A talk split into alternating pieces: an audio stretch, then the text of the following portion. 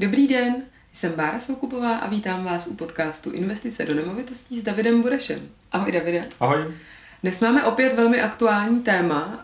Jsme v létě 2021, jsme před parlamentními volbami a do mediálního prostoru se dostávají debaty navázané na možnosti zvyšování daní, daně z nemovitosti, které se objevují v rétorice některých stran.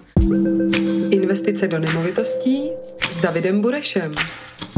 Tento podcast vám přináší společnost Bureš a partneři. Davide, je to aktuální téma, co si o tom myslíš? Jak vypadá daň z nemovitosti teď a co si myslíš, že se může stát? No já musím říct, že eh, různý, eh, různý informace o změně, zvýšení daně z nemovitosti už prosekou delší dobu už před několika lety, a teď nevím, jestli je to 3-4 roky, tak uh, myslím, že to tehdy byla ČSSD, ale teď nechci říkat přesně, uh, to, možná komunisti, tak měli návrh právě na zvýšení. Mm-hmm. A ten důvod je relativně jednoduchý. Ty, když vlastníš nemovitost, platíš dneska z nemovitosti, tak ti to zvýšíme o takovouhle část a jednoduše se to vybere, protože je jasný, že ty tu nemovitost vlastníš, je to napsaný na katastru, takže tomu neutečeš. Takže myšlenka je to samozřejmě jednoduchá. A současně s tím druhá myšlenka, zdaňujeme vlastně ty bohatý. To jsou ty, kteří mají ty nemovitosti. Na druhou stranu v České republice ve vlastním bydlí naprostá většina lidí, konkrétně je to 78%, má vlastní bydlení. To znamená, že v podstatě zdraží, teda zdražíš, zdaníš víceméně celý národ. Ale eh, když se to vezme, tak eh, zdanit eh, někoho, a teď se bavíme u běžného bytu tady v Praze, kde ta sazba daně z nemovitosti je nejvyšší, tak eh, zdanit někoho, kdo vlastní v tuhle chvíli byt 50 metrů ve středním okruhu, třeba na Chodově, Kačerově, tak stojí asi tak tisíc korun ročně přibližně. Ta daň z nemovitosti. Ta daň z nemovitosti. A stojí tě stejně, jako když by si měla stejný byt v centru na Staromáku. Protože se počítá metry krát nějaký koeficienty. A každý město má tu sazbu trošičku jinou. Tohle ale e, v daný moment není odrazem toho, jaká je tržní cena té nemovitosti. Pouze je to metráž krát nějaký sazby, které jsou pro dané město. Takže tisíc korun na pětimilionovém bytě za rok zaplatit je v pohodě. To znamená, i kdyby se tohleto zvýšilo, řekněme třeba na dvojnásobek, tak dobře, z pětimilionového bytu zaplatíš 2000. Není to pořád nic strašného.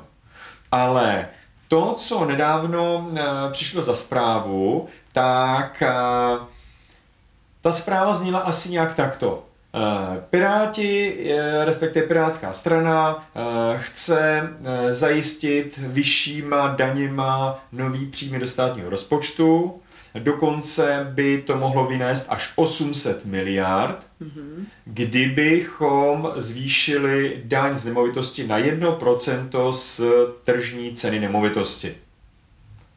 Eh, tahle ta zpráva proběhla všude přes eh, média, eh, noviny až po sociální sítě, kde to byly jedny z nejzdílenějších příspěvků. A v podstatě dokonce unikla taková tabulka, kde bylo pro jednotlivé kategorie bytů v několika velkých českých městech, včetně Prahy, ukázka toho, jak by se to změnilo. Takže třeba v Praze, teď by si platila za ten 50 metrový byt v panelu 1000 korun, a najednou by ti to vyběhlo třeba na 50 tisíc. Každý rok. 50 tisíc to už je docela hodně. Vem si, že by si tady uh, vlastnila dům, uh, klidně budeš tam uh, mít dům tady někde na okraji, který nemá, nemá uh, dejme tomu, uh, tak velkou uh, hodnotu pro tebe, protože jsi ho třeba zdědila a tak dále, ale, uh, ale já jsem to možná teď řekl špatně, nemá pro to velkou hodnotu, ale v podstatě eh, ty jsi ho nekoupila, takže nejseš v pozici, že jsi bohatý člověk, prostě jsi ho získala třeba z předchozích pokolení historicky, ale bude mít hodnotu třeba 30 milionů. A teď si vím, že z toho by si zaplatila 1%, takže třeba 300 tisíc. Hmm. To by pro mnoho lidí bylo úplně likvidační.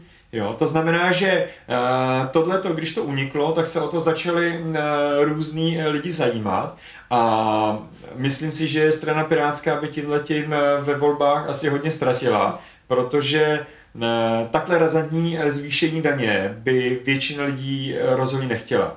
Hmm. A v ten moment se začalo řešit, co je na tom pravdy. Aby se na konci zjistilo, že došlo k nepochopení že eh, v jejich programu vůbec žádný zdražení daní z nemovitosti není a nikdy nebylo. Mm. A ačkoliv já nejsem osobně příznivce Pirátské strany, tak eh, eh, i z toho, co já osobně jsem si logicky ověřoval, protože tohle mě velmi překvapilo, tak eh, došlo k tomu, že někdo se chytil útržku nějaké zprávy, kdy se mluvilo o tom, že my jako Česká republika máme jednu z nejnižších daní z nemovitosti v Evropě, což je pravda, protože se pohybuje někde na úrovni 0,01 až 0,04 z tržní ceny nemovitosti, mm-hmm. což i v rámci Evropy je opravdu hodně nízký. Malinko. To znamená, že v té zprávě tehdy od těch Pirátů šlo, že kdyby se z této ceny to zvýšilo třeba na 1%, tak by to rozpočtu dalo 800 miliard. Ale tečka, Nebylo konec. dané, že to, že to Vůbec je nic dalšího. Takže to, to bych teď uh, chtěl říct, že to byla taková ta typická fáma, kdy se z toho stala velká bublina a nemyslím si, že by to bylo i v České republice vůbec průchozí. Když teda odstoupíme o od politiky a mediálního šumu a toho, že vlastně asi teda nic takhle zásadního nám doufíme nehrozí. Uh, vrátíme se k nějakým reálným znalostem, zkušenostem ze světa a tak dál.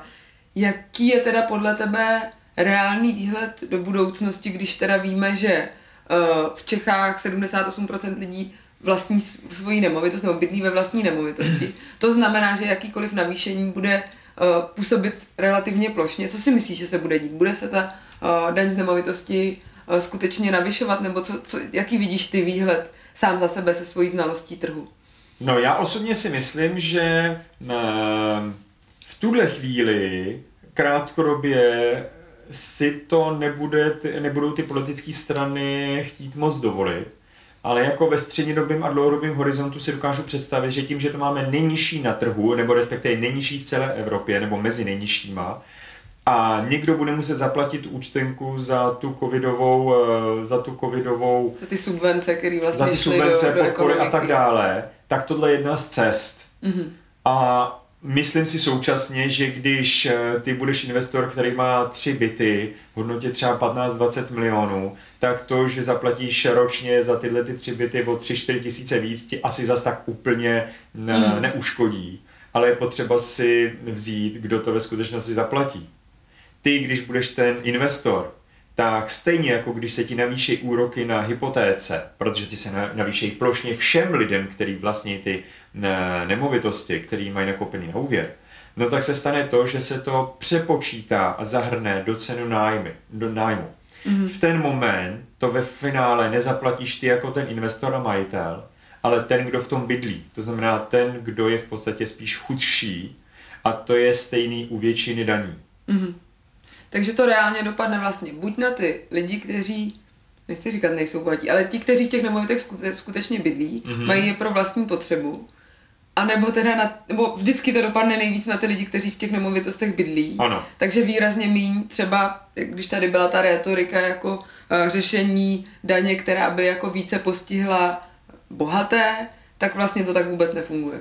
Jo, t- jako samozřejmě tím, že vlastníme hodně nemovitostí napřímo, tak uh, část těch bohatých to pos, uh, postihne taky, ale ty, kteří se pronajímají, tak ve finále to zaplatí ty nájemníci. Mm-hmm. Takže z tohohle toho pohledu si myslím, že eh, daň z nemovitosti bych rozhodně nebral jako strašák a nemyslím si, že by nás čekalo nějaký drastický zdražení. Ano, menší zdražení nebo zvýšení eh, by přijít mohlo a myslím si, že by to vůbec nebyl tak velký problém, protože když si navýšejí úroky o kousek, tak se taky bavíme u běžného klienta o to, že se mu navýší splátka o tisícovku, ale o tisícovku měsíčně. To znamená, že najednou ten člověk má třeba o 12 tisíc vyšší splátky za rok, úroku, což je čistý náklad. Takže tady zvýšení o daně o 1 tisíc je v podstatě nic. Ono se nám taky ukázalo na té kauze uh, docela dost, jak moc to ovlivňuje hodně lidí, protože já jsem i kolem sebe vlastně přesně to rezonovalo, že lidé, kteří třeba s Pirátskou stranou nějak relativně sympatizovat, tak říkali, to, to mě jako poplašilo, hmm. já vlastním nemovitosti, tak pozor na ně. A řekla bych, že je to takový signál vlastně napříč politickým spektrem, uh, že tím, že jsme vlastnický národ, tudíž hodně lidí vlastní nějakou nemovitost, že asi ten tlak a ta nepopularita toho řešení uh, by byl takový, že asi žádný super razantní uh, změny nás nečekají. Jako velký zražení bych nečekal, protože to, tu stranu už by příště nikdo nezvolil. Na druhou stranu nějaký změny v daních budeme muset asi očekávat, a tohle může být jedna z nich, hmm. ale, ale jak jsem říkal, na úrovni spíš nižší.